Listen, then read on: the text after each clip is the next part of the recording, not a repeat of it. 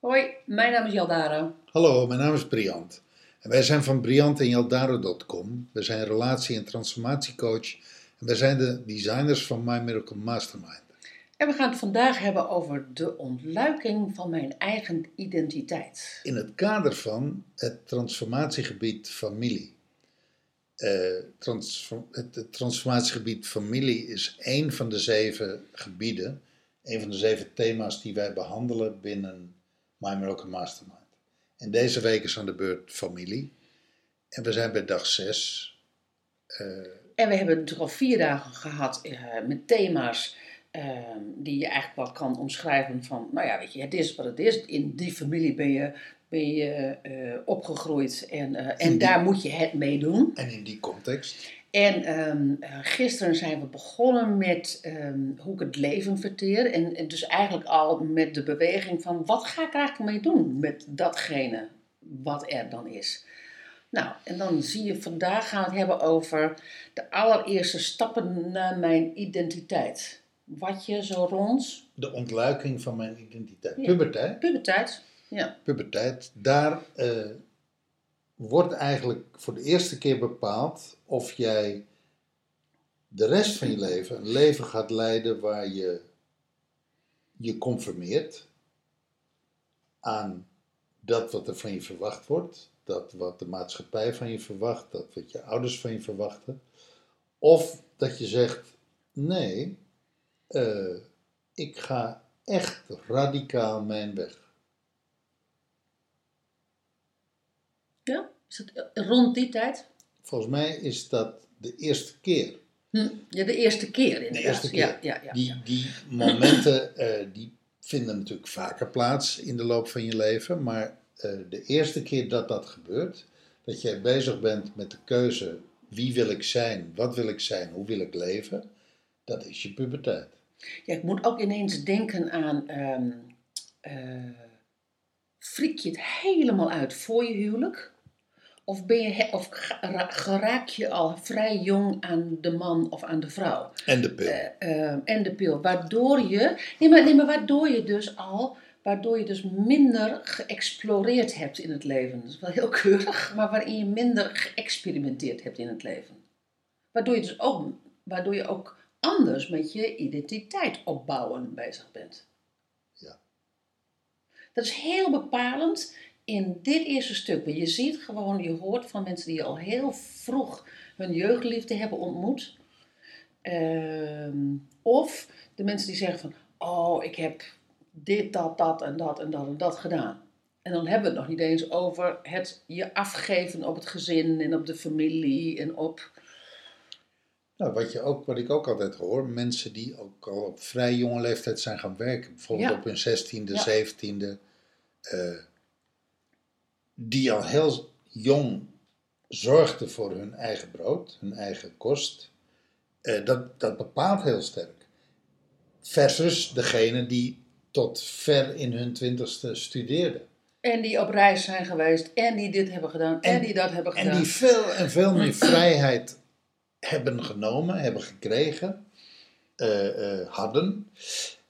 Dat bepaalt enorm de rest van je leven, hoe je Ja. daarmee omgaat. Ja. Maar wat je ook ziet, en dat is wel grappig, mensen die eh, op hun eindpuberteit, zeg maar eind teenager, begin twintig, provo waren, hippie waren, en die nu behoren tot het establishment, die nu in het, op het plusje zitten. Die nu horen bij de bourgeoisie, waar ze vroeger zich tegen afzetten. En hoe verhoudt zich dat tot het thema ehm, de ontluiking van je eigen identiteit? Ik denk dat ieder mens in zijn leven een moment heeft waarop hij zegt: Is this all there is? Mhm.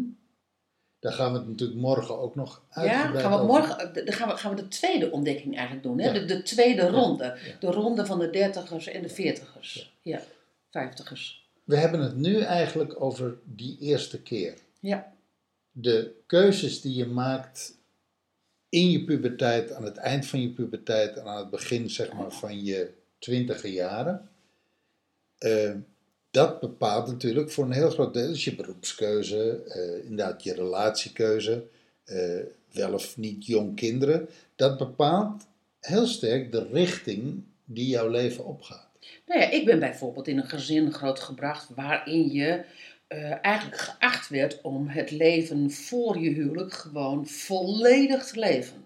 Gewoon eigenlijk alles te doen ehm, wat misschien wel verboden was. Oh, leuk. nee, maar in, nee, maar in de zin van, dat, hoort, dat hoorde volgens mijn ouders bij die leeftijd. Terwijl ik ook mensen ken, inderdaad, wat jij zegt, die heel vroeg gingen werken. Ja. En die dus veel meer geld hadden en al vroeg een auto hadden en al vroeg dit hadden en al vroeg dat hadden. Was dat bij jou? Ehm, mijn ouders vonden het heel belangrijk dat ik een goede opleiding had. Mhm. En eh, nou, daar, daar werd wel heel veel aandacht aan besteed. Ja. Ja. En eh, nou, niet te veel flauwekul uithalen. Want, Ja, eh, ja.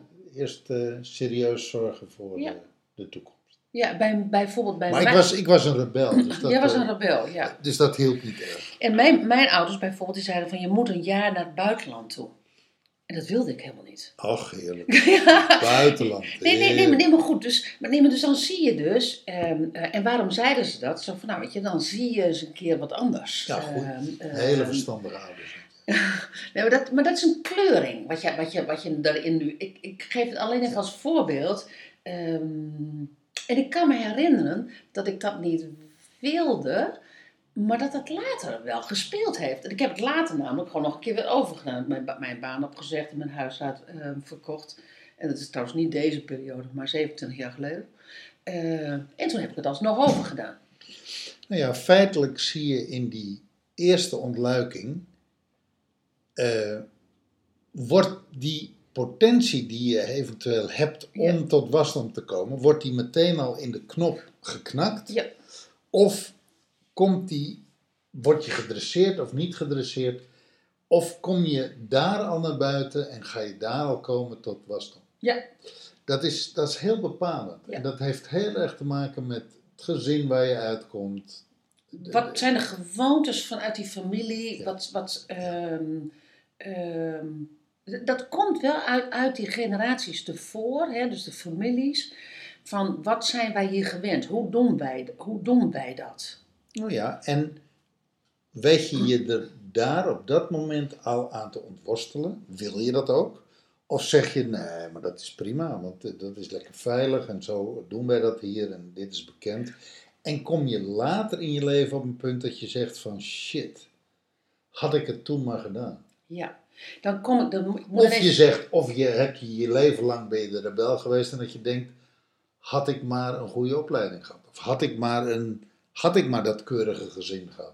Dat doet me dan toch wel even weer denken, want we hebben het al eerder deze week gehad over de witte en de zwarte schapen. Ja, Dit is wel zo'n moment dat je de, ehm, de, mensen, de, de kinderen die zich ehm, niet hoeven te bevrijden voor zichzelf, die gaan hier zogenaamd wat gemakkelijker doorheen en die dat vaak in een later stadium nog een keer weer tegen gaan komen. de tweede puberteit. De tweede puberteit van, ehm, waarin ze dan zeggen van is this all there is? Terwijl die zwarte schapen, die beginnen vaak al heel vroeg. Ja. Zo van, eh, dit niet. Dat is eigenlijk, eh, eh, eigenlijk wat er gezegd wordt. No way, niet zo'n leven. En die gaan in deze fase, gaan ze, gaan ze er vol tegenin vaak. En de vraag is natuurlijk, in het kader van My Miracle Mastermind, hoe is dat gegaan in jouw leven? Heb Ja. jij op jonge leeftijd al besloten van, weet je, ik ga het leven leiden wat ik voor ogen zie? Of heb je dat op een later sta in een later stadium bepaald? Eh, En dus waar zit je nog aan vast? en waar zit je nu op dit moment Ja. dat je kiest voor transformatie? Wat kom je dan eigenlijk tegen? Heb jij een leven achter je waarin je je leven lang geconformeerd hebt en, en je aangepast hebt? Of was je altijd al een rebel? Heb je je altijd al bevrijd? En is dit de meest logische volgende stap in jouw leven? Natuurlijk ga ik voor verandering, want daar ben ik mijn leven lang al mee bezig. Of ben je ehm, een twintiger en je hoort dit en je denkt van, oeps, ik zit vast. Of, oh ja, ik ben, ik ben er zo één en eigenlijk heb ik nog geen rust om mijn eigen leven ook in rust te brengen. Precies. Ja. Nou, ehm, mooie, on- mooie onderzoeksvraag. Ja. Succes. Dankjewel voor het luisteren en tot morgen, dag 7. Hoi.